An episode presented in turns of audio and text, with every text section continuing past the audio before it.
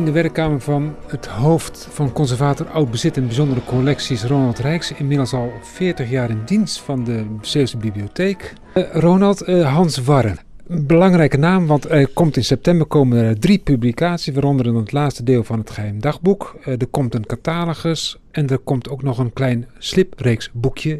Hans Warren, wanneer zei die naam voor het eerst jou wat? Ik denk tweede, eerste helft van de tachtiger jaren eind 80 jaar. En sindsdien is die naam Hans bij jou blijven hangen. Sterker nog, je hebt er een, een behoorlijk contact mee gehad met Hans. Ja, ja, ja, ja, ja, dat begon eigenlijk gewoon de kennismaking omdat hij de bibliotheek nodig had. Dus toen we nog in de abdij zaten. Uh, om uh, de spiegel van de Nederlandse poëzie, waar hij toen aan werkte, uh, te vervolmaken. Er zaten nogal wat fouten in. Meulenhof had een heleboel fouten gemaakt. Die moesten allemaal hersteld worden. Dus hij moest al die boeken opnieuw inzien, zeg maar, raadplegen. En uh, ja, toen werkte ik er uh, nog niet zo krankzinnig lang. Uh, en toen kwam ik inderdaad met, met Hans in contact, omdat ja, het Nederlands viel dus op een gegeven moment onder mij. En vandaar is dat van Lieverlee is dat uh, tot een, uh, tot een, uh, ja, een behoorlijke, behoorlijke vriendschap tussen aanhalingstekens, maar toch een ja, goede, goede, goede kennismaking geweest. Ook in Huis wel gelegen, nog in Kloetingen geweest? Ja, verschillende keren, want we hebben regelmatig hebben poëzietransporten over de A58 laten rijden, dat we met een personenautootje kisten met gedichtenbundels naar, naar Kloetingen brachten. Hij had daar thuis een fotocopie kopieerapparaat staan. Dus hij kon dan makkelijk eh, de gedichten die hij uh, wilde opnemen in die bloemlezing kon hij kopiëren. En als het dan klaar was, dan ging hij dus weer, weer terug van Kloetingen naar, naar Middelburg. Dan kwam er weer een nieuw transport. Bezoek werd weer ge geïntensiveerd toen hij er niet meer was, toen hij overleed.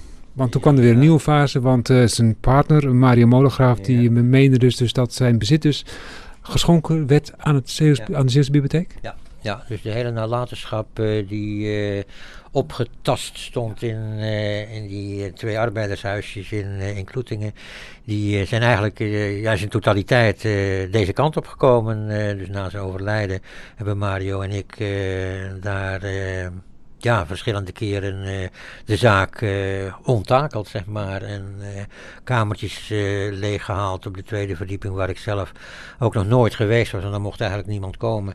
Maar daar lag dus. en de correspondentie, en manuscripten, en typoscripten. En de duvel en zijn oude moeder, zou ik bijna zeggen, lag daar, lag daar opgeslagen in een volstrekt ordeloze samenhang. Het was een kwestie van, eh, als er een brief binnenkwam, dan beantwoordde Hans die brief uiteraard. En daarna ging hij boven, de deur open, gooide die brief in het kamertje en deed de deur weer achter zich dicht.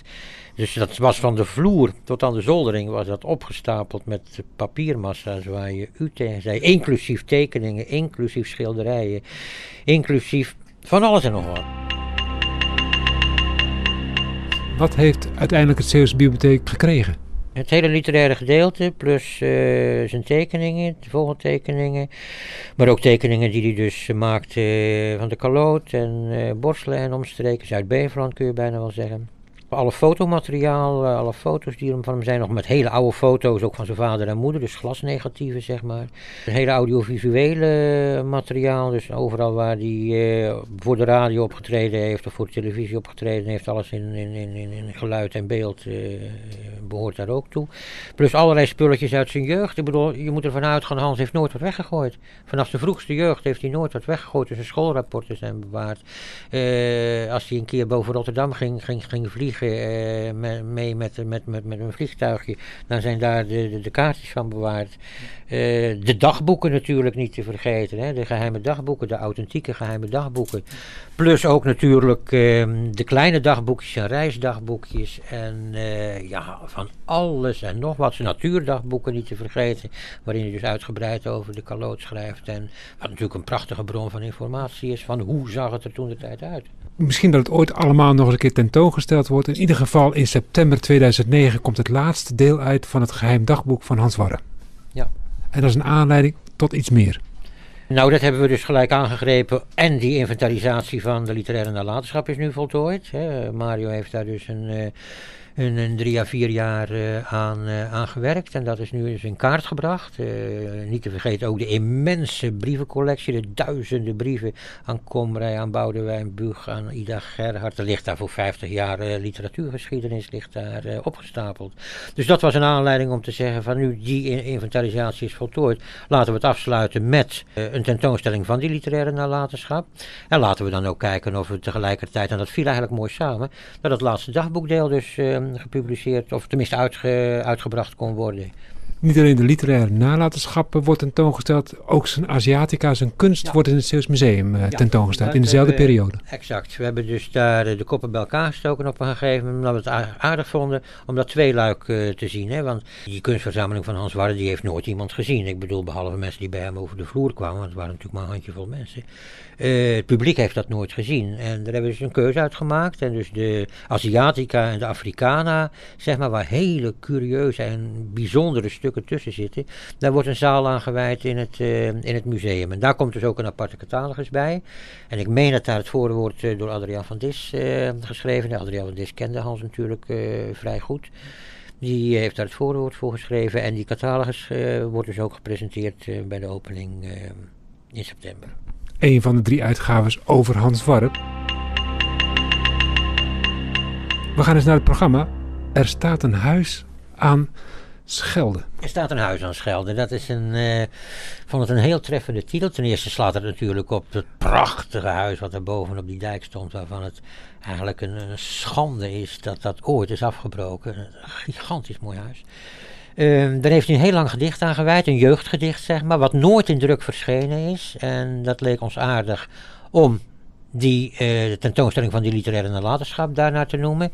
En een slipdeeltje, wat dus ook uitkomt uh, op diezelfde dag uh, bij de opening, hebben we ook genoemd als staat een huis aan Schelde, omdat het deeltje begint met dat vroege gedicht, hè, wat dus eigenlijk een, een jongelings- een jeugdgedicht is, zeg maar, van Hans. Je hebt de titel van de tentoonstelling en je hebt de titel van, uh, van het slipdeeltje. De opening vindt plaats op vrijdag 25 september uh, 2009 hier in de Zeeuwse Bibliotheek. Tot hoe lang blijft dus de tentoonstelling eigenlijk hier te zien? Hij blijft hier maar betrekkelijk korte tijd uh, staan. Uh, 7 november uh, houdt hij hier op. bij het museum loopt hij door tot eind januari, 31 januari. En dat is de tentoonstelling onder de titel Verre Werelden, om het maar zo te zeggen. Ja. Um, de verzameling van Hans Warren. zijn er nog meer activiteiten rondom het geheel Hans Warren, die natuurlijk in 2001 overleed? Het museum heeft nog wel een rondleiding op 15 november, die door Mario Molengraaf zelf verzorgd zal worden. Eh, omdat hij natuurlijk ook al die, die, die, die, die, die aankopen van Hans eh, heeft meegemaakt en op veilingen aanwezig geweest is. En daar heel nauw bij betrokken was. En daar ook een uh, redelijke kennis van, van heeft opgedaan. Dus die kan inderdaad, denk ik, een boeiend verhaal vertellen over die verschillende kunstobjecten die in het Zeeuws Museum staan. Nou, je zei in feite al dus dat de tentoonstelling uh, Er staat een huis aan de Schelde niet zo lang hier in, het, uh, in de Zeeuwse Bibliotheek te zien is. Dat heeft een bepaalde reden. Ja, dat heeft een bepaalde reden en die reden is uh, tijdsdruk. want in november, en dan wel gezegd op woensdag 18 november, bestaat de bibliotheek, de Zeeuwse Bibliotheek en de voor, voorgangster daarvan, de Provinciale Bibliotheek van Zeeland, bestaat 150 jaar. Tot zover Ronald Rijkse van de Zeeuwse Bibliotheek over eh, Hans Warren. Er staat een huis aan Schelde, een expositie vanaf 26 september tot en met 7 november. En Hans Warren, Verre Werelden, de verzameling van Hans Warren, zijn Africana, zijn Exotica, zijn kunst. Wat te zien is van 26 september tot en met 31 januari in het Zeeuws Museum.